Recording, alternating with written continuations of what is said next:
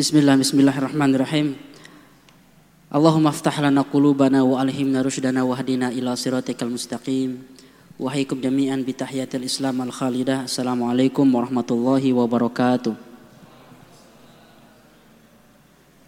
Innal hamdalillah nahmaduhu wa nasta'inuhu wa nastahdi wa nastaghfiruh wa na'udzu billahi min syururi anfusina wa min sayyiati a'malina may yahdihillahu fala mudhillalah wa may yudlil fala hadiyalah. Asyhadu an la ilaha illallah wa asyhadu anna Muhammadan abduhu wa rasuluhu la nabiyya ba'da. Ihwani wa akhwati, saudara-saudaraku pemuda-pemudi di Kota Bandung. Kajian Sirah Nabawiyah adalah salah satu kajian inti, kajian yang paling vital dan kajian prioritas bagi para pemuda muslim.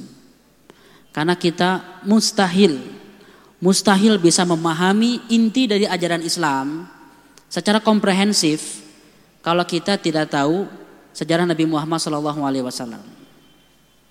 Mustahil. Kenapa? Karena kalau kita mempelajari Quran ayat per ayat, kita tidak akan bisa memahami apa sih inti dari misi besar Islam itu untuk kehidupan di dunia ini. Untuk memakmurkan bumi itu, itunya intinya apa?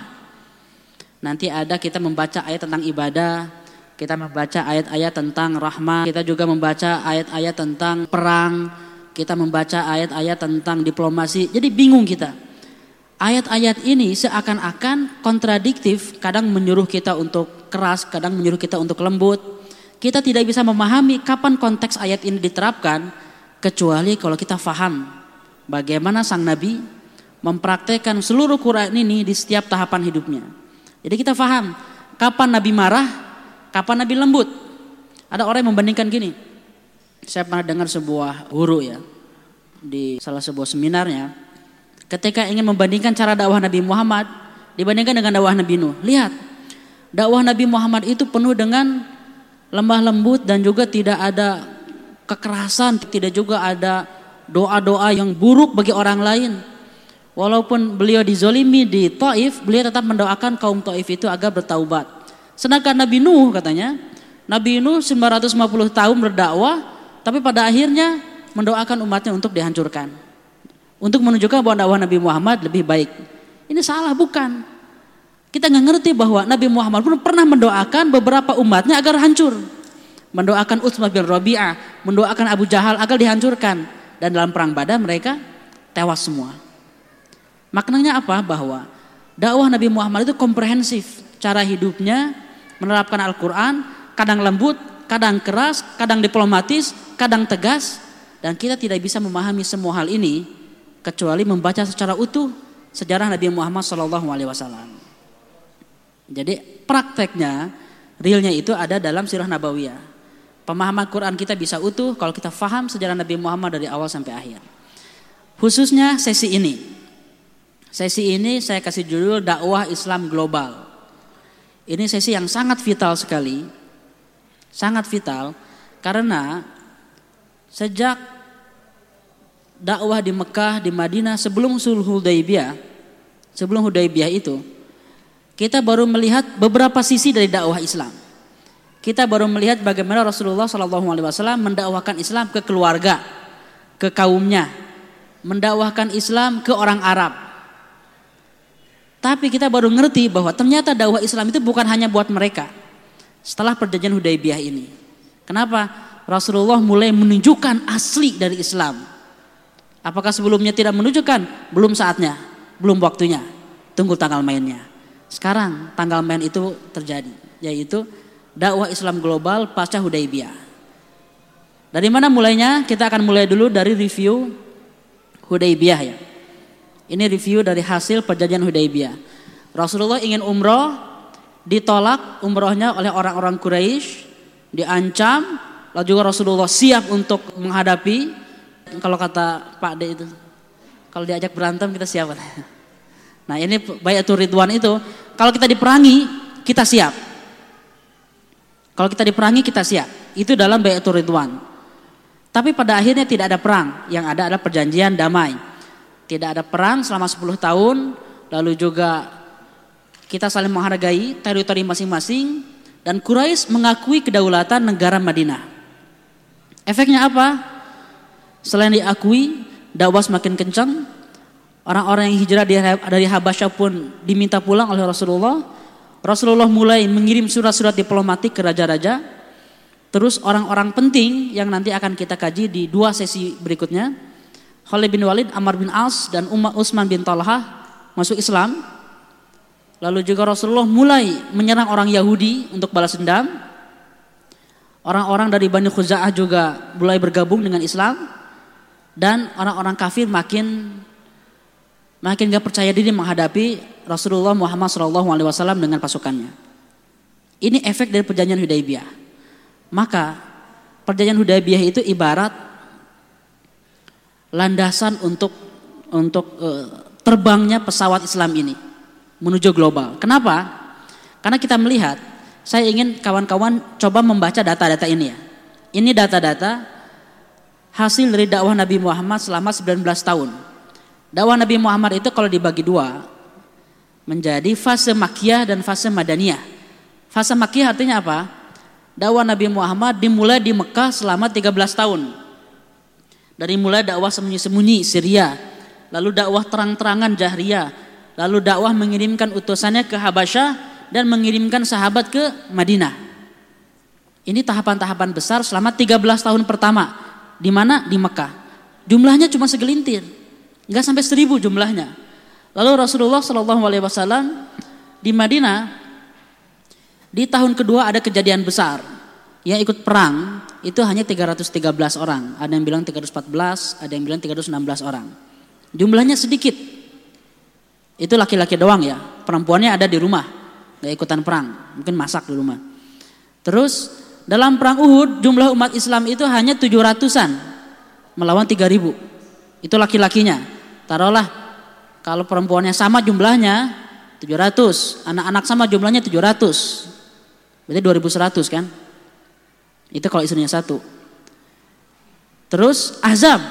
Dalam perang Ahzab umat Islam yang bertahan di Madinah cuma 3000 orang. Itu tahun kelima Hijriah. Cuma 3000 orang dan nggak ada yang mati. Relatif tidak ada yang mati kecuali ada salah seorang sahabat Sa'ad bin Ubadah. Itu syahid dalam perang Ahzab. Nah, di Hudaybiyah ini Rasulullah berangkat dari Madinah ke Mekah untuk umroh jumlahnya 1400. Sisanya setengahnya lagi nggak ikut di Madinah. Artinya apa? Selama 19 tahun dakwah Nabi Muhammad di Mekah, di Madinah, 13 tahun di Mekah, 6 tahun di Madinah, jumlahnya hanya sekitar 3000 orang. 19 tahun. Per tahunnya berapa? Jumlah jamleh 158 orang per tahun. Itu perkembangan dakwah Nabi Muhammad. Tapi setelah perjanjian Hudaybiyah, dua tahun setelah perjanjian Hudaybiyah itu, umat Islam nanti dua tahun kemudian, berarti tahun berapa? Tahun ke-8 Hijriah, umat Islam masuk ke Mekah dalam Fatu Mekah. Dalam Fatu Mekah itu yang akan kita bahas nanti kurang lebih tiga atau empat pertemuan ke depan jumlah orang-orang yang ikut rombongan Rasulullah jumlahnya sepuluh ribu sepuluh ribu orang artinya selama dua tahun nambah tujuh ribu anda bayangkan tujuh ribu selama dua tahun berarti setahunnya tiga ribu lima ratus. Berapa persen? 22 kali lipat. 2200 persen perkembangan umat Islam dalam waktu dua tahun. Apa yang menjelaskan ini semua? Kenapa sebelum Hudaybiyah perkembangan cuma 158 orang per tahun, setelah Hudaybiyah 3.500. Kalau Anda ini kalau saya datanya ini perpanjang ke zaman Abu Bakar As-Siddiq, ke zaman Umar bin Khattab, ke zaman Indonesia nih tahun 2018, sekarang umat Islam jumlahnya satu setengah miliar kawan-kawan. Satu setengah miliar umat Islam hari ini. Yang awalnya cuma 3.000 orang nih selama 19 tahun. Apa yang menjelaskan ini semua? Inilah yang menjelaskan. Sistem global, dakwah global Islam inilah yang menjelaskan kenapa pertumbuhan dakwah sampai 2200 persen. Tapi pertanyaannya, kenapa dakwah Nabi Muhammad yang global ini tidak dimulai di Mekah? Misalnya baru diturunkan Iqra ya. Iqra bismi rabbikal ladzi khalaq khalaqal insana min alaq. Ini lima ayat pertama diturunkan, langsung ngirim surat kepada Raja Persia, masuk Islam lah. Siapa ente kan? Baru juga dakwah ke Abu Bakar, ke sahabat-sahabatnya lagi tertindas, lagi terkucil, bahkan diboikot, ngirim surat ke raja ke, ke raja Romawi. aslim taslam, masuk Islamlah kamu akan selamat. Man ant? Kamu siapa? Gak kenal. Gak ada yang mengenal orang Arab itu. Orang Arab itu dilecehkan, direndahkan, tidak dianggap. Itu orang Arab. Tidak dianggap oleh bangsa-bangsa besar seperti Persia, seperti Roma itu nggak ada artinya. Maka Nabi Muhammad belum memulai dakwah global. Kenapa? Karena seruan dakwah global itu perlu modal. Dakwah global itu harus realistis. Tanpa kekuatan negara, dakwah berpotensi dipermalukan objeknya oleh objek dakwah. Anda nggak bisa nih, misalnya pengurus Salman bikin surat ke Donald Trump. Donald Trump, aslim taslam. Masuk Islam lah Donald Trump, kamu akan selamat. Dari ini, santri Salman. Nggak bisa. Harus atas nama negara. Negara yang berdiplomasi, itu harus negara yang kuat. Atau minimal, negara yang confidence dengan dirinya. Negara yang pede. Karena ada negara gede, tapi nggak pede. Negara yang punya sumber daya alam, tapi ngutang terus. Negara yang kuat, punya potensi besar, tapi tunduk di depan negara lain.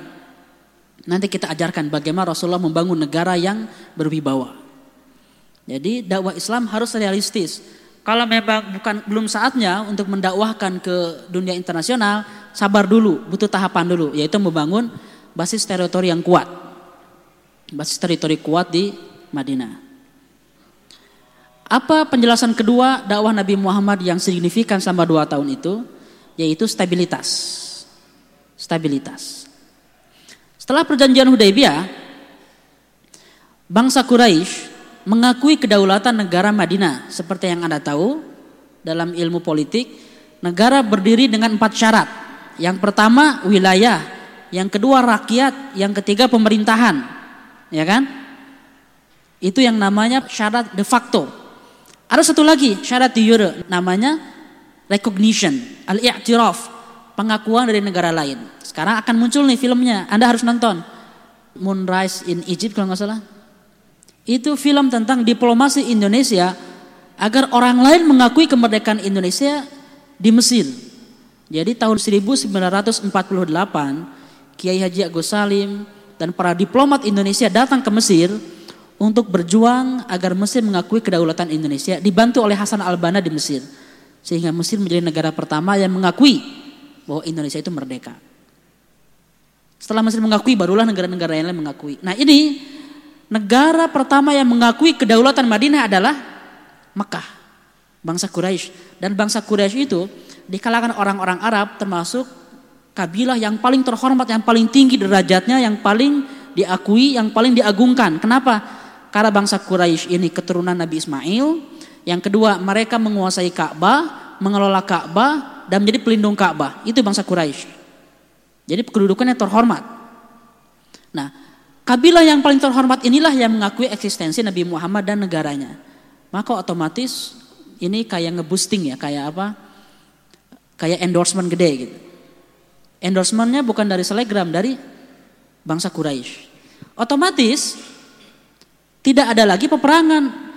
Kabilah-kabilah kecil seperti kabilah Khuza'ah, kabilah apa pun dah sudah nggak ada yang berani lagi menyerang Nabi Muhammad. Kenapa? Ada perjanjian damai. Dan kabilah-kabilah itu dalam perjanjian Hudaybiyah, siapa yang ingin berkoalisi dengan Nabi Muhammad silahkan gabung. Jadi koalisinya, koalisi permanen ya, sekutu. Siapa yang ingin gabung dengan bangsa Quraisy silahkan gabung.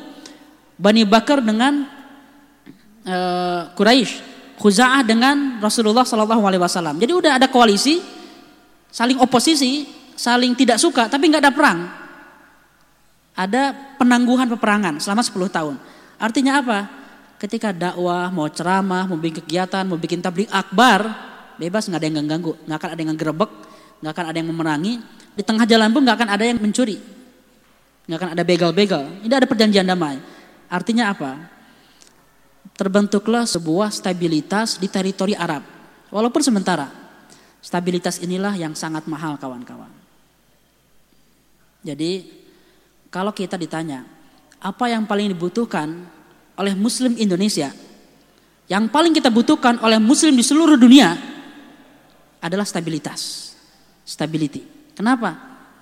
Stabilitas diperlukan umat Islam sebagai kondisi normal dalam dakwah yang akan jauh lebih menghasilkan dibanding kondisi perang ataupun konflik. Jadi kondisi normal yang kita inginkan itu bukan perang, bukan konflik, tapi stabil. Kalau stabil, kita bisa dakwah dengan nyaman, tanpa diperangi, tanpa dimusuhi, dan dai-dainya pun ekspresif gitu ketika dakwah itu dengan berbagai cara. Tapi dalam kondisi perang kita nggak bisa dakwah, dalam kondisi huru hara. Makanya senjata paling ampuh dalam bidang politik di abad 21 ini adalah demokrasi. Kenapa? Dengan demokrasi inilah kita bisa mendapatkan stabilitas Makanya negeri-negeri berpenduduk mayoritas muslim yang berhasil menegakkan demokrasi pasti akan dihancurin, pasti akan digoyang, pasti akan diganggu stabilitasnya. Misalnya Turki berkali-kali menang secara demokratis, diganggu terus. Mau dikudeta, dibikin teror, dikasih bom-bom di bandaranya di mana-mana. Kenapa? Agar jangan ada stabilitas. Negeri muslim yang mempunyai stabilitas, kita bisa fokus mikirin universitas, bikin rumah sakit, bikin jalan-jalan, bikin pembangunan infrastruktur, apa membangun pertanian, perikanan. Itu kalau ada stabilitas. Coba kalau ada huru hara. Kalau ada huru hara, perang. Sempat Anda bikin museum ketika perang. Apresiasi sastra gitu kan nggak bisa. Mau bikin teater drama gitu kan saat perang nggak bisa. Apalagi K-pop gitu kan dan dansa nggak bisa. Jadi kita butuh stabilitas agar kita bisa ekspresif dalam dakwah, kita bisa merancang program-program yang bagus untuk menampilkan Islam. Bahkan kita bisa bikin film, karikatur, animasi, karya-karya yang sangat aneh untuk menampilkan dakwah ketika kondisi stabil. Coba kalau huru hara. Misalnya ya, ini, ini misal aja. Presidennya bilang bahwa Islam itu menjadi ancaman bagi kesatuan negeri. Agama itu jangan dibawa-bawa ke politik. Ulama itu jangan masuk ke politik. Oh jadi huru hara tuh. Jadi kisruh. Nah ini adalah usaha mereduksi stabilitas dalam negeri akhirnya apa? Kita nggak sempat produktif. Kita berantem terus, debat terus. Akhirnya kita tidak sempat mikirin hal-hal besar gara-gara apa? Energi kita fokus untuk membangun stabilitas. Jadi ini rahasia dari kenapa dakwah Nabi Muhammad melesat, punya negara dan punya stabilitas. Berikutnya, mulailah Rasulullah SAW mengincar dua hal. Pertama, dakwah ke kaum elit yang kedua, membereskan ini berandal-berandal yang belum nurut. Orang-orang Yahudi yang pengkhianat. Tapi itu akan kita bahas pekan depan. Hari ini saya akan membahas satu poin yaitu tentang dakwah Islam global ke kaum elit. Ke kaum elit. Kenapa dakwah kaum elit itu penting? Dakwah itu untuk seluruh tipe golongan manusia. Untuk jelata, untuk orang penting, untuk orang eh, elit, untuk laki-laki, untuk perempuan, untuk orang tua, untuk anak-anak. Dakwah untuk lijami'in nas, untuk semua orang. Maka dakwah kaum elit adalah salah satu aspek dakwah yang perlu kita perhatikan. Sayangnya, dakwah terhadap kaum elit ini agak kurang kita kaji. Ada caranya, ada terminologinya, bahasanya, penampilannya itu harus dipilih. Gak bisa dakwah ke kaum elit seenaknya, asal-asal gak bisa. Pertama, Nabi Muhammad memilih dai yang terbaik. Jadi dai pintar tapi juga diplomat. Kenapa? Dia harus berdiplomasi, jago. Jago mikir, mikirnya cepat, nggak tell me. Dikirim dai yang tell me nggak bisa. Saya bisa ceramah tapi harus siapkan dulu, mempersiapkan berjam-jam. Jadi kalau ada hal-hal yang di luar materi ceramah bingung, nggak bisa. Harus spontan bisa menjawab kebutuhan kebutuhan orang yang dia dakwahi. Dia nanya apa dia bisa jawab. Itu dai-dai yang dikirim oleh Nabi Muhammad. Muda, harus muda, nggak bisa aki-aki dikirim gitu kan. Harus yang segar. Musa bin Umair ketika Rasulullah mengirimkan dutanya ke Madinah, ke Yasrib sebelum hijrah, dipilihlah Musa bin Umair, dai 35 tahun, ganteng, kasep, pintar, pakaiannya bagus, orang kaya, terhormat.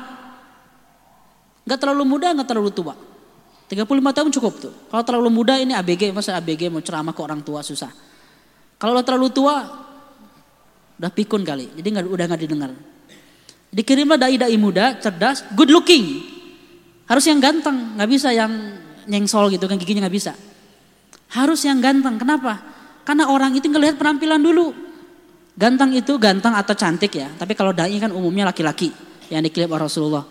Berarti yang ganteng itu umumnya Dipengaruhi oleh dua faktor, baik itu fisik atau penampilan. Maka penampilan nggak bisa asal-asalan, nggak bisa pakai baju compang-camping gitu kan. Pas datang bau gitu kan, baru juga 10 meter udah kecium baunya. Harus wangi, harus rapi. Kudanya jangan yang krempeng, kayak di Taman Sari, jangan. Kudanya kayak kuda New Zealand, kayak kuda Australia yang gede-gede. Harus kuda yang gagah, ontanya, nggak usah juga dimodif ya, yang asli. Tapi yang jelas penampilan dai sangat diperhatikan oleh Rasulullah Shallallahu Alaihi Wasallam. Agar apa? Ketika raja lihat ini utusan siapa? Ini utusan Muhammad Rasulullah. Oke okay, oke, okay. layak gitu. Artinya apa? Kalau kita mau berdakwah di kaum elit, nggak bisa pakai sandal swallow gitu. Pakai sandal swallow. Kita bicara Allah mementingkan hati dibanding pakaian. Iya bisa, Anda bisa. Kan orang lain nggak bisa. Dia aja ketemuan di kafe, kafe bintang 5 ataupun restoran di Nobu misalnya yang satu menunya bisa 8 juta itu. Ketika datang, aduh Pak ini mubazir Pak innal mubazirina kanu ikhwana syayatin. Orang-orang mubazir itu teman setan, ayolah di warteg aja lah. Nggak bisa. Orang elit membutuhkan situasi yang khusus, lingkungan yang khusus agar dia menerima dakwah. Dalam batas tertentu harus kita ikuti, dalam batas tertentu ya. Kecuali dalam kemaksiatan nggak bisa. Jadi Rasulullah mengikuti gaya ini, mengikuti style orang-orang elit ini dikirim dari dai terbaik, yang ahlaknya bagus, yang punya ilmu. Berikutnya, dakwah ke kaum elit ini perlu brand. Rasulullah butuh stempel, bikinlah stempel gitu kan. Stempel, cari mana yang bisa bikin logo yang paling bagus. Bikinlah logo abstrak dengan kaligrafi yang bagus. Allah, Rasul, Muhammad sederhana. Tapi yang jelas ini adalah tanda bahwa utusan ini diplomat ini serius mewakili negara. Bukan asal-asalan, ya asal-asalan ceramah, enggak. Ini perwakilan resmi dari negara Madinah. Punya stempel sendiri. Lalu isi suratnya, pertama nanti akan kita kaji ya. Surat-surat yang dikirimkan ke raja-raja. Ada respect. Di awal surat itu harus menghargai orang lain. Azimir Rum, penguasa Roma, juragan ataupun raja Mesir harus dihormati gelar-gelarnya. Jadi kalau kita bikin surat yang terhormat, dear, sir, ma'am, itu sudah benar penghargaan, penghormatan. Jangan sampai kita gara-gara merasa bahwa kita umat terbaik tidak menghargai orang lain walaupun beda agama. Hormati. Hormati orang lain yang mempunyai posisi sesuai dengan posisi kaumnya. Sebutlah dengan nama-nama gelar-gelarnya sendiri. Jadi menyebutkan nama gelar orang itu walaupun kita nggak harus kita perhatian dengan gelar, tapi kita perlu perhatian dengan gelar orang lain. Agar apa? Merasakan respect terhadap orang lain itu. Berikutnya, customize. Customize itu setiap surat ditujukan sesuai dengan orangnya.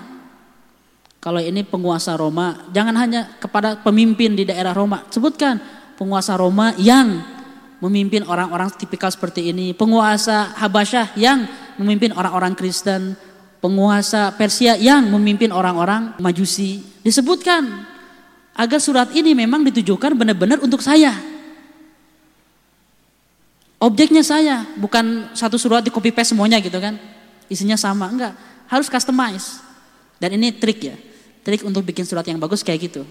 Customize. Seakan-akan kita bikin surat itu khusus buat dia seorang Bukan buat calon, bukan, buat universitas maksud saya. Jadi kalau Anda ngelamar ke kampus, bikin surat kayak gitu, puji-puji dulu kampusnya. Lalu juga bilang bahwa kampus ini akan berkontribusi buat masa depan saya. Bilang diangkat dulu. Nanti di akhirnya tolong terima saya jadi mahasiswa Anda gitu. Hati-hati tapi, dulu saya ada pengalaman. Saya ketika di Perancis ngirim lamaran ke 20 universitas di Inggris. Di depan laptop aja terus tiap hari. Udah bikin nih, bikin surat terbaik pokoknya udah saya rancang. Nah, pakai Microsoft Word kan, tinggal copy paste kan. Tinggal saya rubah dikit-dikit. To University of Birmingham, to University of Bristol, to University of Manchester. Tinggal saya rubah-rubah. Cuma ada satu surat yang nggak kerubah. Kepada Universitas Bristol, bla bla bla bla bla. Oleh karena itu saya sangat bangga jika saya bisa diterima di Universitas Birmingham saya bilang. Jadi itu hati-hati ya. Harus punya manajemen folder yang bagus. Ini untuk hati-hati juga ngelamar ke Aisyah kepada Aisyah. Istrinya di terakhirnya mudah-mudahan Teteh Syarifah ini bisa menerima saya. Ini Aisyah tuh Syarifah katanya. Harus hati-hati. Manajemen folder. Customize. Yang ketiga, Surat itu harus jelas. Isi pesannya apa? Clear. Jangan bertele-tele panjang curhat dulu. Curhat dua halaman, tiga halaman. Nggak dibaca. Singkat, padat, jelas. Keempat, firm, tegas. Berani ngasih ancaman ataupun imbalan. Tegas. Imbalannya apa? Ancamannya apa? Nanti akan saya jelaskan. Dan yang terakhir, dakwah terhadap kaum elit itu butuh confidence. Percaya diri. Anda percaya nggak percaya? Orang-orang elit itu terbangun dalam budaya yang sangat confidence. Orang yang misalnya penghasilannya sebulan di atas 100 juta, oh itu dia punya confidence yang tinggi itu. Umumnya ya, umumnya. Lihat orang lain itu kalau misalnya dia penghasilan nggak sebesar dia udah ngelihat, oh ini belum sukses orangnya. Orang elit, apalagi yang di atas miliar. Orang-orang yang punya jabatan tinggi akan mengukur umumnya dari confidence ini karena mereka punya confidence yang sangat tinggi. Dia layak nggak diplomasi dengan saya? Dia layak nggak ngobrol dengan saya? Makanya bertemu dengan orang elit, bertemu dengan orang penting, ini ada, tipsnya sendiri. Jangan merendahkan diri. Penampilan harus oke, okay, terus kita harus bangga dengan diri sendiri. Harus punya sesuatu yang dia nggak punya. Anda kaya, Anda punya jabatan, tapi nggak Anda nggak punya ilmu yang saya punya. Anda harus punya itu. Nah, dai-dai Rasulullah, Anda punya seluruh dunia, Anda punya kerajaan, tapi Anda tidak mempunyai Quran dari Tuhan yang saya punya. Itu bahan confidence. Jadi, jangan bertarung menyaingi orang-orang elit ini di bidang-bidang yang Anda pasti kalah. Ketika dia mempunyai harta, saingi dia dengan apa? Dengan akhlak, dengan wibawa. Makanya cara ngomong, cara sikap itu harus harus harus meyakinkan. Jangan ketemu dengan orang-orang elit, pandangan sudah menunduk, udah udah bungkuk-bungkuk gini, lalu udah berlebihan pujiannya, harus standar aja biasa gitu kan. Saya ingat kemarin, kemarin-kemarin ya ketika Donald Trump itu ketemu dengan pemimpin-pemimpin negara, mungkin sudah di briefing, sudah di briefing oleh stafnya. Setiap dia ketemu, dia akan pegang tangan lawan bicaranya dengan kencang, dia tarik. Jadi salaman dia tarik. Dan dia goyang-goyang tangannya itu dengan keras. Lama lagi. Jadi orang itu kan agak ilfil juga itu. Ini lama banget sampai pemimpin Jepang itu dipegang lama begitu dilepaskan dia ngarenghap. Gitu kan. Kenapa? Itu intimidasi. Intimidasi dalam pertemuan dengan orang elit. Itu Donald Trump. Tapi ketika Donald Trump ini ketemu dengan Erdogan, apa yang dia lakukan? Erdogan juga sudah di briefing. Begitu ketemu, tangannya ditarik sama Erdogan. Jadi Donald Trump yang kayak gini. Tangan ditarik.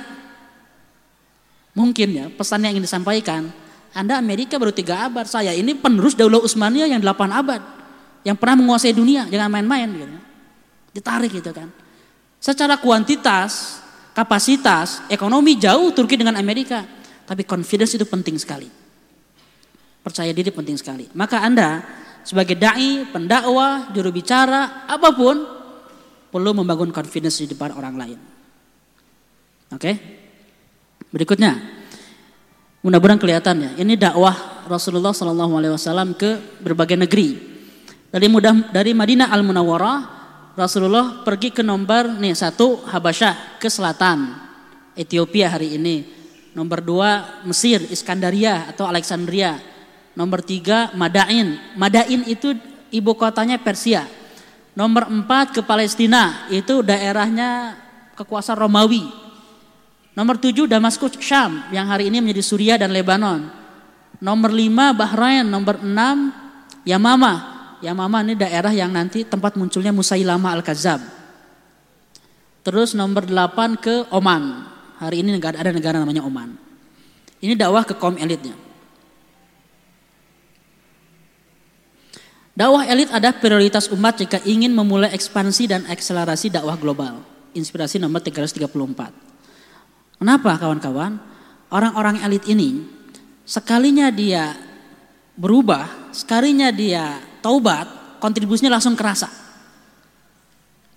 Coba gini, Anda ceramah di depan, eh, saya pernah ceramah di depan ibu-ibu di atas 50 tahun semua, 50 tahun semua, 60 tahun semua lah. Terus si pengelolanya itu ibu-ibu yang sangat kaya, Sangat kaya sekali. Dia bilang, Kang, ini jamaah saya ini saya supply semuanya, saya yang mengarrange, saya yang menyewa sound dan saya membayar makanan karena ini orang miskin semua gitu kan. Jadi tolong disesuaikan gitu kan.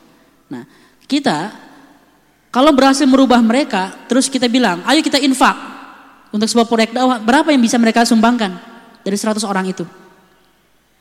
Jadi orang-orang miskin. Mereka perlu kita dakwahi. Tapi ketika kita berhasil mengislamkan, membuat taubat, menghijrahkan seorang yang elit, orang kaya, super power, apa yang dia bisa lakukan? Satu orang dengan koceknya dia bisa bikin satu sekolah. Yang satu sekolah ini butuh 10 tahun kita ngumpulin infak di kampung-kampung terpencil. Satu orang. Itulah yang dilakukan oleh Khalid bin Walid. Itulah yang dilakukan oleh Utsman bin Affan. Itulah yang dilakukan oleh Abu Sufyan ini orang-orang elit, sekalinya dia masuk Islam kontribusinya besar. Amar bin As ini orang elit, sekalinya dia masuk Islam, dia langsung jadi pemimpin. Langsung menaklukkan nih. Oman itu tadi, daerah Oman. Oman tuh nomor 8 ya.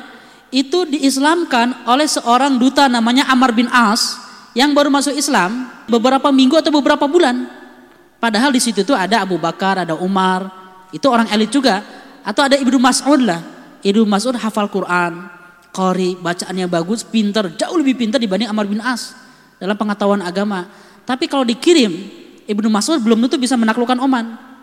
Tapi Amr bin As yang dikirim kontribusinya langsung kerasa. Begitu pun Khalid bin Walid. Baru masuk Islam beberapa bulan langsung menjadi pemimpin perang. Itu Khalid bin Walid.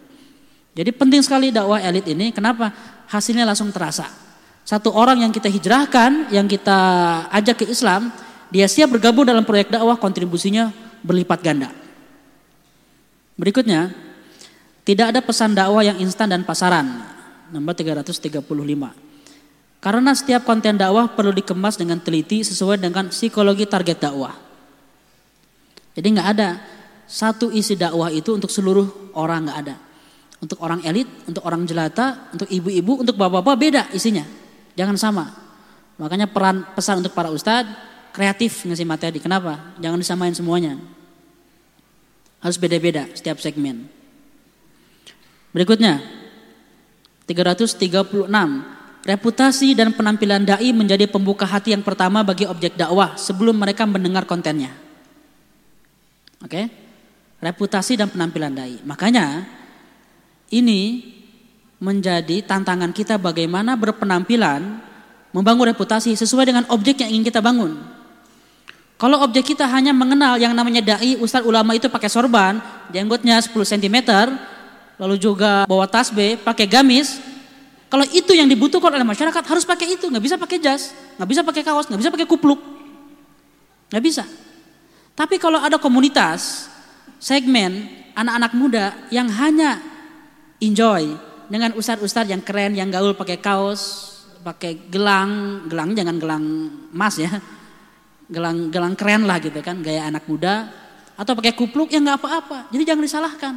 Itu adalah cara dakwah yang dibutuhkan oleh para pemuda saya ingin mengomentar sedikit ya kemarin dengan kasus beberapa ustadz muda kita saya mohon kawan-kawan netizen kan anak-anak muda jangan terlalu berlebihan menanggapi kesalahan para dai biasa aja lah biasa aja anda kebayang nggak seorang dai itu ceramah seminggu berapa kali kira-kira?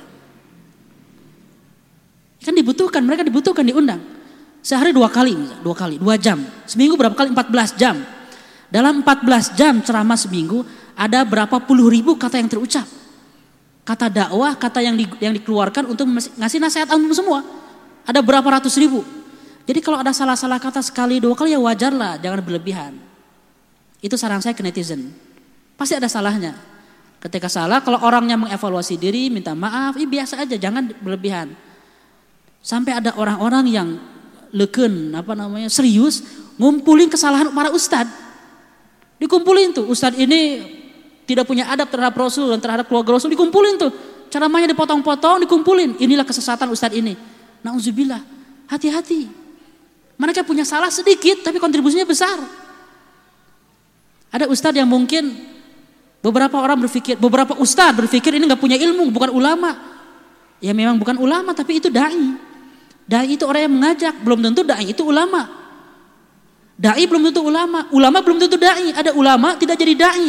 ilmunya busuk. Kenapa? Ilmunya dipendam sendiri. Ada orang yang ilmunya sedikit jadi dai, ilmunya bermanfaat walaupun isinya masih mungkin masih mentah. Tapi dia dai bisa memberi nasihat ke banyak orang. Ketika penampilan berbeda, agak aneh, tolonglah kita berlapang dada dan pesan bagi para ustadz, para ustadz, para dai, para penceramah yang mungkin satu profesi, mari kita jaga hati, mari kita jaga pikiran, kurangi suuzon, perbanyak husnuzon. Kita sama-sama berdakwah. Kalau ada orang yang berbeda, biarkanlah dengan caranya masing-masing. Selama bukan dalam kesesatan, selama bukan dalam kebidahan. Kalau berbeda manhaj dakwah, biasa aja lah, jangan baperan. Ini beberapa utusan Rasulullah ke Madain, ke Irak, ke Persia. Ini ceritanya diusir oleh Raja Persia. Sedangkan ini kiriman kepada Raja Najasyi, Raja Habasyah yang Kristen. Hmm. Ini aslinya bahasa Arab ya dalam serial Umar. Subtitlenya bahasa Inggris. Ini para pendetanya yang mendengarkan, dibacakan ayat-ayat Quran dan si rajanya ngahulang, merenung. Ini dikirim ke Romawi. Ini Abu Sufyan diundang ke istana raja Raja Romawi diinterogasi. Nanti akan saya jelaskan bagaimana interogasinya. Diinterogasi untuk untuk bertanya siapa itu Muhammad dan apa yang didakwahkan. Nah, intinya itulah. Nah, saya ingin mulai membahas tentang dakwah Nabi Muhammad ke Raja Najasyi. Pertama, Raja Najasyi itu salah seorang raja yang adil walaupun dia bukan muslim, dia Kristen. Adil. Fi ardi Habasa Malikan la yudzamu indahu ahad kata Rasulullah. Di negeri Habasa itu ada seorang raja yang tidak ada seorang pun yang dizolimi saking adilnya. Sehingga Rasulullah mengirim para sahabat untuk hijrah ke Habasya sebagai cabang dakwah. Ini di Ethiopia ya Afrika Timur. Suratnya ini ada hari ini di Museum Turki di Topkapi di Istanbul. Ditemukan oleh orientalis Inggris Dunlop tahun 1940. Dan yang dikirim Al-Amr bin Umayyah Ad-Damiri. Coba perhatikan bagaimana Nabi Muhammad memulai surat ini. Bismillahirrahmanirrahim. Dengan basmalah. Min Muhammad Rasulullah dari Muhammad Rasulullah ilan Najasyi Malikul Habasyah kepada Najasyi raja dari Habasyah aslim anta fa in fa inni ahmaduk ilaika ahmadu ilaika Allah alladzi la ilaha illa wal mulku huwa malikul qudusus salamul mu'minul muhaimin wa asyhadu anna Isa ibna Maryam ruhullah wa kalimatuhu alqaha ila Maryam al-batul at-tayyibah. Aku memuji Allah Subhanahu wa taala dengan nama-nama Allah tadi Al-Malik Al-Qudus dan sesungguhnya Isa bin Maryam ini pengantar nih, belum ngomong. Isa bin Maryam itu adalah ruhullah dan kalimat Allah yang Allah titipkan melalui Maryam sang perawan suci sang perawan suci. Jelas ya? Nabi Isa ditiupkan ruhnya, dititipkan melalui Maryam sang perawan suci yang tidak punya suami. Fahamilat bihi, fakhalaqahu min ruhihi wa nafakhahu kama khalaqa Adam biyadihi. Lalu Allah menciptakan Nabi Isa itu dan meniupkan dari ruhnya dan menciptakan sebagaimana menciptakan Adam dengan tangan Allah. Ini kiasan tangannya. Wa ini aduka ilallahi wahdahu la syarikalah wal maulatu an ta'atihi. Wa an wa an tattabi'ani wa tu'minu billadhi ja'ani fa inni rasulullah. Wa inni ad'uka wa junuruka ila Allah wa qad bal wa qad wa qad balaqat wa nasahtu faqbalu nasihati. Wassalamu alam wassalamu ala man ittaba'al huda. Maka saya mengundang Anda kepada jalan Allah dan kepada taat pada Allah bersama tentara-tentara Anda. Saya sudah menyampaikan. Surah seperti ini dibacakan di depan Raja Najasyi, diterjemahkan, didengar oleh pendeta-pendetanya, semuanya merenung, saling melihat gitu kan. Terus Raja Najasyi mengundang ngundang si utusan ini sembunyi-sembunyi. Lalu dia bilang, saya akan masuk Islam, tapi saya nggak bisa terang-terangan. Kenapa? Karena kalau saya masuk Islam terang-terangan, bisa terjadi revolusi. Kalau terjadi revolusi, bisa hancur negara, hancur stabilitas, dan saya tidak bisa berkontribusi apa-apa untuk Nabi kita Muhammad Shallallahu Alaihi Wasallam. Jadi beliau masuk Islam, tapi pura-pura jadi Kristen demi apa? Demi kepentingan dakwah yang lebih besar. Apa buktinya? Setahun kemudian, ini kan tahun 6 Hijriah ya, tahun 6 Hijriah. Setahun kemudian ketika Nabi Muhammad diberi kabar oleh Jibril bahwa Raja Najib sudah wafat, Nabi Muhammad salat gaib. Dan salat gaib itu hanya untuk muslim. Jadi Raja Najib sudah masuk Islam walaupun pura-pura belum masuk Islam. Kenapa? Karena negaranya tidak akan menerima dia sebagai pemimpin muslim. Dan akan terjadi pertumpahan darah. Apa artinya? Inspirasi 337. Manusia terpengaruh lebih kuat oleh orang yang mengedepankan persamaan sebelum memberi pesan dan arahan. Nabi Muhammad memulai dakwahnya dengan apa? Kalimat tentang Nabi Isa. Bahwa agama Anda dengan agama kami itu sama dalam konsep Nabi Isa alaihissalam. Saya ulangi. Agama Anda dengan agama saya soal Nabi Isa aslinya itu sama. Bahwa Nabi Isa adalah dari ruhullah bukan putra Allah, bukan Tuhan. Itu dijelaskan dulu. Dan ketika Najasyi, seorang yang Kristen faham tentang ajaran Nabi Isa alaihissalam, baru nyadar ternyata benar. Nabi Isa itu sama dengan konsep Nabi dengan Islam. Jadi kalau hanya mengambil kisah Nabi Isa-nya saja nggak cukup. Perlu bertauhid, perlu menyembah Allah Subhanahu wa taala sehingga apa? Sehingga kamu akan selamat kata Rasulullah. Barulah sudah dijelaskan tentang Isa, tentang Maryam karena Maryam itu dituduh, difitnah macam-macam. Dituduh wanita tidak senonoh, wah macam-macam oleh orang-orang Yahudi. Maka ketika Rasulullah datang dengan ayat Al-Quran yang menjelaskan bahwa kita ini sama dalam konsep Nabi Isa, barulah Najasi mikir ternyata Al-Quran ini dari Allah Subhanahu Wa Taala. Tapi beliau tidak bisa terang-terangan. Barulah beliau masuk Islam setelah diberikan dakwah dengan dengan sepucuk surat itu.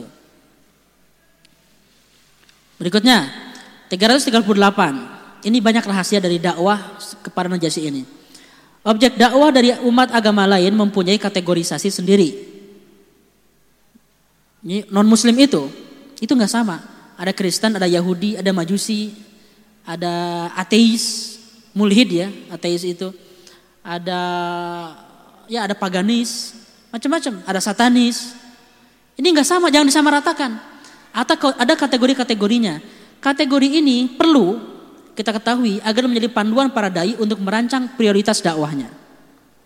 Kalau ada nih orang Kristen, orang Yahudi, orang ateis, di antara tiga kategori ini mana yang paling dekat dengan Islam?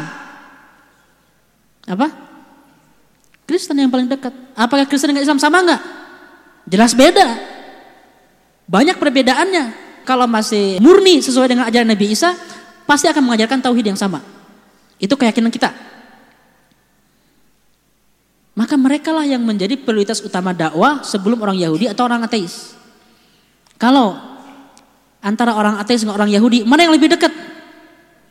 Orang Yahudi percaya Allah Subhanahu wa taala, tapi ibadahnya macam-macam. Orang ateis nggak percaya Tuhan sama sekali. Kalau dibandingin orang ateis dengan Abu Jahal, masih mending Abu Jahal. Abu Jahal itu masih percaya Tuhan, orang ateis nggak percaya Tuhan. Jadi akalnya itu rendah banget orang ateis. Walaupun kayak pintar, tapi nggak bisa memahami fakta dasar bahwa alam semesta yang rumit ini pasti ada penciptanya.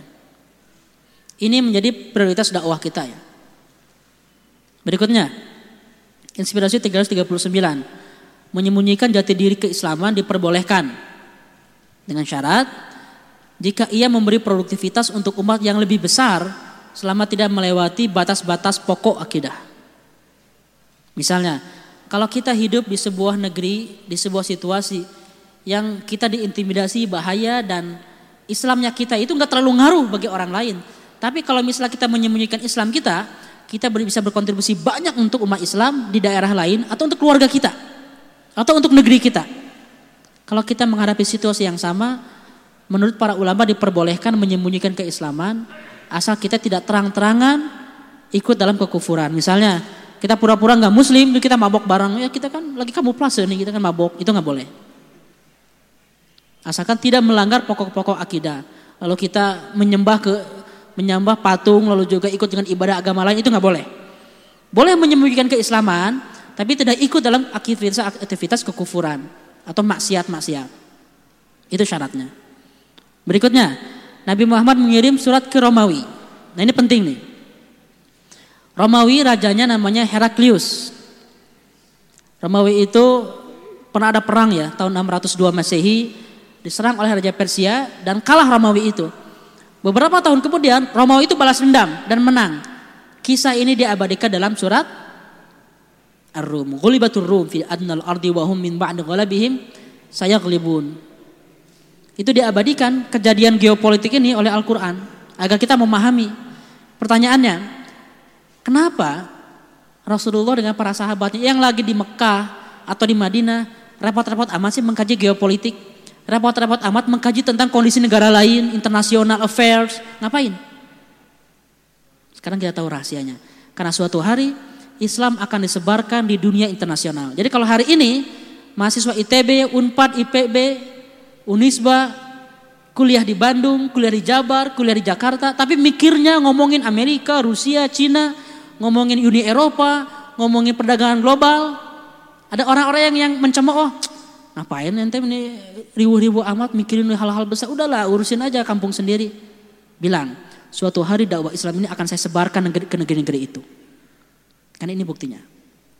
Umat Islam jauh sebelum ini sudah mengkaji tentang politik internasional sebelum Rasulullah memulai dakwah internasionalnya. Sehingga tahu ketika mengirim surat ke Raja Romawi, tahu bahasa surat yang perlu dituliskan, tahu gaya surat yang perlu ditulis. Karena sudah tahu kondisinya. Ini suratnya ada juga ya sekarang disimpan di Museum Topkapi di Istanbul. Yang dikirim oleh Rasulullah seorang dai namanya Dihya Al-Kalbi. Pemuda ganteng cerdas juga.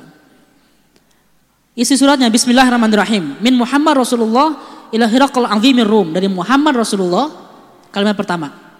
Jadi bukan kepada yang terhormat Raja Romawi dari Muhammad. Bukan, dibalik. Siapa yang pertama? Dari Muhammad ke Raja Romawi. Ini udah pede duluan. Saya menyebut nama saya dulu sebelum nama Anda. Anda Raja Romawi, Romawi itu menguasai satu per dua dunia. Setengah dunia hampir dikuasai, bayangin. Tapi isi suratnya, Min Muhammad ilahi Raqal.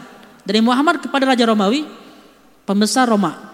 Salamun ala manit taba'al huda keselamatan bagi yang mengikuti petunjuk.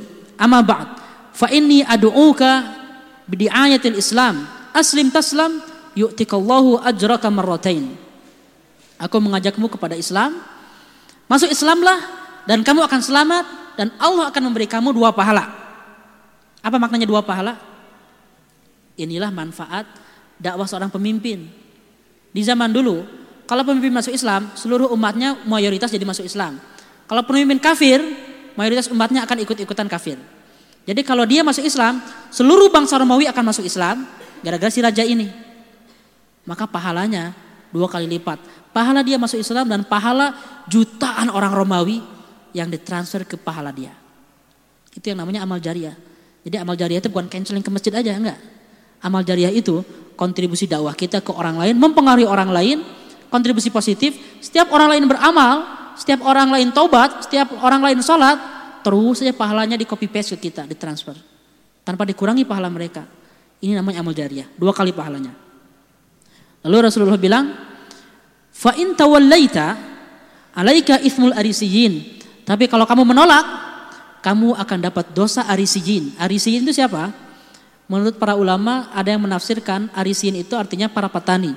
Tapi juga ada yang menafsirkan arisiyin itu para pengikut Arius. Arius itu pendeta Kristen di Mesir, sekte Kristen, sekte Aris. Sehingga Arisian ini orang-orang Kristen yang mengikuti sekte Arius ini.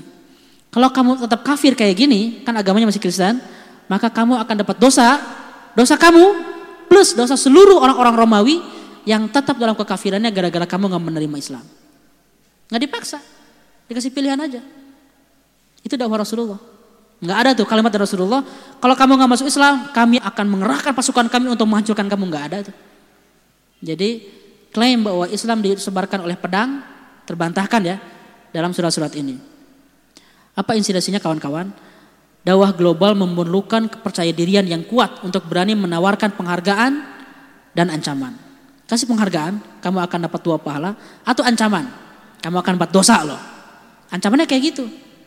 Bukan ancaman fisik, kalau nggak masuk Islam, hati-hati, besok diculik. Enggak. Tapi kamu akan dapat dosa, udah gitu aja. Kalau kamu memilih menjadi non muslim, menjadi kafir, ya terserah. Paling kamu dapat dosa, itu yang disampaikan oleh Nabi Muhammad. Tapi apa responnya? Responnya aneh bin ajaib. Dan ini diskusi yang paling ironi sepanjang sejarah umat manusia. Jadi dia ini ingin masuk Islam, cuma ragu-ragu. Pernah satu hari di adegan yang film ini ya, ini nih. nih. Ini Heraklius ini nanya ke Abu Sufyan. Nanya ke Abu Sufyan. Dipanggil pengawal, coba cari orang yang paling kenal dengan Muhammad itu, Muhammad yang mengaku nabi. Dipanggil Abu Sufyan. Ketika berdiri di depan Heraklius dengan para sahabat-sahabatnya, dia bilang, "Siapa yang paling dekat dengan dengan Nabi dengan Muhammad nasabnya?" Saya katanya. "Oke, kamu maju, teman-teman kamu di belakang," katanya. Saya akan menginterogasi kamu. Saya akan nanya beberapa pertanyaan. Kalau dia bohong, teman-teman kamu akan ngasih tahu dia bohong atau enggak. Jadi saya akan tahu kamu bohong atau enggak, saya akan tahu. Dan karena Raja Romawi ini galak, jadi dia semuanya takut. Enggak ada yang berani bohong, semuanya jujur. Pertanyaan pertama, gimana nasab Muhammad ini? Dia bilang nasabnya bagus, keturunan orang baik-baik. Apakah ada yang mengaku nabi sebelumnya? Enggak. Sebelumnya enggak ada yang mengaku nabi. Apakah Muhammad ini keturunan raja? Enggak, dia keturunan orang biasa tapi orang-orang terhormat semua. Apakah pengikutnya orang-orang lemah? Iya. Mayoritas pengikutnya itu orang-orang lemah yang ikut, orang-orang elitnya pada nolak. Apakah jumlah mereka berkurang atau nambah? Nambah terus katanya. Apakah ada yang murtad dari agama Muhammad ini gara-gara benci agama? Enggak. Enggak ada yang murtad seorang pun. Apakah Muhammad ini pembohong sebelum mengaku-ngaku jadi nabi? Enggak. Dia orang paling jujur disebut Al-Amin. Apakah dia pengkhianat? Si Abu Sufyan ini sebenarnya gak pengen jujur. Kenapa? Karena ini endorse gratis nih. Dari Abu Sufyan endorse gratis buat Muhammad. Maka dia mencari cara gimana untuk memblack campaign karakter assassination buat Nabi Muhammad. Maka dia mikir, nah ini ada kesempatan. Apakah dia pengkhianat? Gak tahu. Kita ada perjanjian namanya perjanjian Hudaibiyah, belum lama. Dan saya belum tahu apakah dia akan mengkhianati atau enggak. Nah, dia mulai. Tapi nggak bisa bohong. Kalau bohong, teman-teman di belakangnya nanti akan ngasih isyarat, dia akan dibunuh. Berikutnya, apakah kalian memerangi Muhammad? Ya, kita memerangi Muhammad. Bagaimana peperangan kalian katanya? Peperangan kita sekali ewang. Tahu sekali ewang? Gantian. Kadang kita menang, kadang Muhammad menang. Kata Muhammad menang itu Badar, kalau kita menang itu Uhud maksudnya. Apa yang dia perintahkan? Ini yang paling penting nih. Dia bilang, Muhammad itu katanya, Muhammad bilang, kita harus menyembah Tuhan yang satu. Allah Subhanahu wa taala menyambung silaturahim, menjauhi maksiat, menjauhi berhala-berhala dan perempuan-perempuan yang tidak senonoh, lalu juga menyambung ukhuwah, berbuat baik pada sesama. Semua yang baik-baik dia sebutkan. Ini jadi jubirnya Nabi Muhammad ini. Terpaksa tapi. Yang paling ajib, yang paling aneh, komentarnya Heraklius. Dia bilang gini, saya nanya ke kamu tentang nasabnya. Dan kamu jelaskan dia orang baik-baik. Berarti dia emang orang baik. Saya nanya apakah ada ngaku nabi sebelumnya, kamu bilang nggak ada. Kalau ada yang ngaku nabi, kamu akan kita akan curiga bahwa dia ini cuman copy paste ajaran orang lain. Terus saya tanya apakah dia keturunan raja? Bukan. Kalau dia bukan keturunan raja, berarti dia ini murni nabi. Kenapa? Kalau keturunan raja, pasti kita curiga dia bukan ingin jadi nabi tapi ingin mengembalikan kerajaan ayahnya. Lalu apakah jumlahnya berkurang atau nambah terus? Nambah terus. Itulah karakter para nabi. Jamaahnya nambah terus bukan berkurang. Apakah dia jujur? Kamu bilang jujur. Berarti emang nabi benar. Dan dia perintahkan ternyata sesuai dengan ajaran para nabi.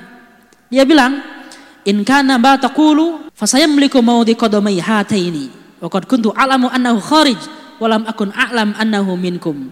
Walau anni alamu anna anni akhlisu ilaihi latajassamtu liqa'ahu walau kuntu indahu laghasaltu an qadamihi. Dia bilang, kalau betul apa yang kamu katakan, maka dia berbisik, Muhammad ini akan memiliki kerajaanku ini. Dia akan menguasai kerajaan yang ada di bawah kakiku ini dan saya faham bahwa akan hari seorang nabi. Cuman saya nggak nyangka bahwa nabi yang akan muncul itu dari golongan kalian. Saya kira dari Syam. Dan kalau aku tahu andaikan aku bersama dia, saya akan berkhidmah kepada dia dan akan saya cuci kakinya oleh saya sendiri. Dia tahu bahwa Muhammad itu nabi. Tapi apa yang membuat dia kafir? Dia nggak mau kehilangan tahta dan support rakyatnya. Setelah dakwah kayak gini, coba bacakan surat yang kamu bawa. Dibacakan suratnya, ada juga apa namanya ayat Qur'annya Ini nih, surat Ali Imran ayat 64 dibacakan. Ketika dibacakan Ali Imran ini, semua pendeta-pendetanya pada marah, pada riuh gitu. Akhirnya diusir Abu Sufyannya. Lalu setelah itu ada seorang uskup, uskup yang yang paling tinggi derajatnya di Romawi itu, dia masuk Islam. Uskup ini derajatnya kadang lebih tinggi dari raja. Kenapa? Dia diakui ketua MUI-nya lah kira-kira. Dia diakui agamanya, ilmunya, dan dia masuk Islam. Setelah dia masuk Islam dikeroyok sampai mati. Setelah lihat itu dia baru mikir, si uskup aja yang diakui ininya dikeroyok apalagi saya nanti. Dia takut. Takut hartanya hilang, jabatannya hilang dan dia dikudeta. Akhirnya dia tetap musyrik. Itulah nasib orang-orang yang tahu kebenaran tapi tidak punya kemampuan mengikuti. Artinya apa? Inspirasi 341. Pengetahuan akan kebenaran tidak cukup mengantar pada keimanan. Selama penghalang beragama, mawani at-tadayun, penghalang beragama itu masih mengakar di dalam hati. Apa itu? sombong dan cita dunia. Ini yang namanya mawani at-tadayun. Ente tahu ini benar, cuman gengsi aja ikut. Jadi nggak masuk Islam. Berikutnya surat ke Mesir. Dikirim ke Juraij bin Mina al-Muqawqis. Ini masih dalam teritori Romawi. Sama, isi suratnya kurang lebih kayak sebelumnya. Kepada Muqawqis, penguasa Mesir, diminta Islam. Ini responnya tidak masuk Islam, tapi sopan malah dia mengirimkan beberapa hadiah. Hadiahnya mengirim dua orang terhormat, perempuan baik-baik dikirim. Yang satu Maria, yang kedua Sirin, ini saudaraan. Maria dinikahi oleh Rasulullah, mempunyai anak Ibrahim dan Sirin dinikahi oleh sahabat Rasulullah. Hasan bin Thabit. Lalu seribu emas, 20 baju dan juga seekor keledai namanya Dul Dul. Kan ada bioskopnya sekarang kan filmnya The Movie. Dul-dul ini. Berikutnya surat ke Raja Persia. Ini contoh suratnya masih ada nih di Museum Istanbul. Raja Persia ini yang tadi nih yang galak, ini kejam, gak sopan. Abrawais ini artinya sang pemenang. Ketika dikirim utusan Rasulullah ke Raja Persia ini, dainya Abdullah bin Hudzaifah As-Sahmi. Ketika dikirim Bismillahirrahmanirrahim min Muhammad Rasulullah ila Kisra azimil Faris. Salamun ala man ittaba'al huda wa amana billahi wa rasuluh wa syahida an la ilaha illallah wa anni rasulullah ila nas kafah liyungdhira tabal liyungdhira kana hayyan aslim taslam fa in abaita alaika ithmal majush masuk Islamlah kamu akan selamat kalau kamu menolak kamu akan menanggung dosa seluruh orang majusi setelah dengar surat ini disobek-sobek suratnya diusir si utusannya Lalu dia mengirim pesan ke anak buahnya, ke gubernur di daerah Yaman, namanya Badan. Badan ini disuruh untuk mengirimkan dua bodyguard untuk menculik Muhammad Shallallahu Alaihi Wasallam. Coba, Badan tolong kirim dua orang untuk menyebut Muhammad, bawa Muhammad itu ke ke Madain. Akan saya interogasi. Emangnya gampang gitu kan? Ingin mengambil Nabi Muhammad. Dikirim dua orang. Ketika kabar tentang disobek-sobeknya surat ini nyampe, Nabi Muhammad marah. Lalu bilang, Mazzakallahu mulkahu. Semoga Allah mencabik-cabik kerajaannya. Datanglah si utusan Badar ini dua orang ke Nabi Muhammad. Lalu disampaikanlah pesan dari Raja Kisra dan Nabi Muhammad mendakwahi dua orang ini. Tapi kata Nabi Muhammad nantilah hasil dari keputusan kami besok datang lagi. Pas besoknya datang, dia bilang gini, semalam ada kejadian kata Nabi Muhammad bahwa kerajaan Persia itu sudah dicabik-cabik dan pemimpinnya siapa namanya nih? Abrawais ini sudah dikodeta, sudah dibunuh oleh anaknya sendiri. Kata dua orang utusan ini, kamu ngomong apa sih? Tahu dari mana info kayak gini kan? Semalam katanya. Berarti kan infonya langsung, real. Real time. Siapa yang akan bisa ngasih kabar dari Madain ke Madinah? Gak mungkin semalam. Ini ngomong apa sih katanya? Yang penting sampaikan aja pesan saya ini ke penguasa kalian di Yaman Badan. Oke, disampaikan. Ketika disampaikan bahwa Muhammad bilang gini gini gini gini, masa bisa tahu kabar dalam semalam? Ternyata datang kabar dari Madain persis sesuai dengan yang dijelaskan oleh Nabi Muhammad. Kejadiannya pada malam ketika Rasulullah bilang itu. Setelah itu Badan masuk Islam. Badan masuk Islam, bersyahadat dan seluruh bangsa Yaman, seluruh rakyat Yaman masuk Islam. Itulah kontribusi dakwah seorang penguasa, seorang pemimpin. Dia masuk Islam dapat pahala plus pahala seluruh muslim di Yaman. Terakhir surat ke raja-raja Arab. Ada ke raja bukan raja ya, ke penguasa-penguasa. Ke Bahrain, lalu ke Oman, ke Damaskus dan ke Yamama. Kalau Raja Bahrain masuk Islam, Oman masuk Islam, terus Damaskus masuk Islam. Tapi ini Yamamah ini dia pengen masuk Islam, cuma syaratnya saya ingin dapat kekuasaan. Ditolak oleh Rasulullah. Enggak, kalau mau masuk Islam harus harus genuine. Enggak boleh ada udang di balik bakwan. Akhirnya, apa inspirasinya kawan-kawan? Inspirasi 342. Visi global Islam adalah menebar cinta dan kebaikan.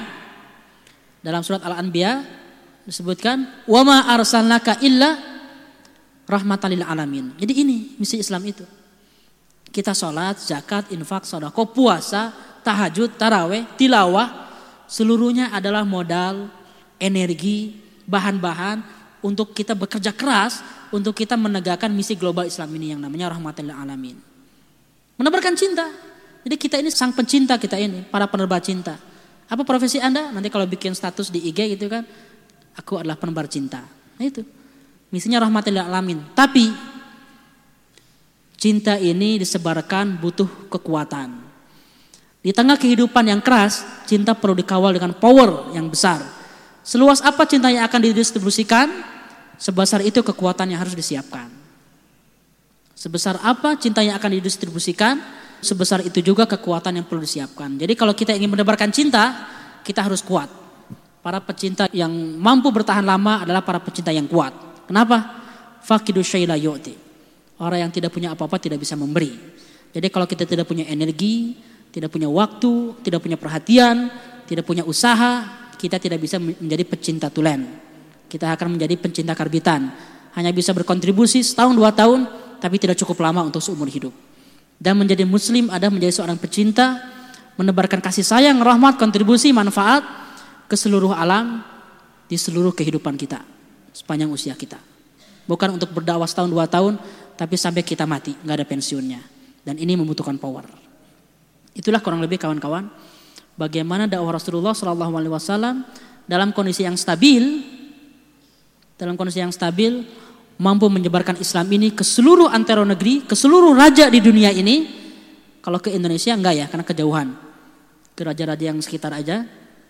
Sehingga perkembangannya 2200 persen menjadi 10.000 orang. Itu kurang lebih ya bisa saya sampaikan di sesi ke-31 ini. Alhamdulillah kita akan lanjutkan sesi 32 di materi yang tidak kalah menariknya. Yaitu Khaybar. Khaybar Khaybar ya Yahud Daishu Muhammad Saupa na'ud ini ini kembali fighting Aku lu qouli hadza wa. Assalamualaikum warahmatullahi wabarakatuh.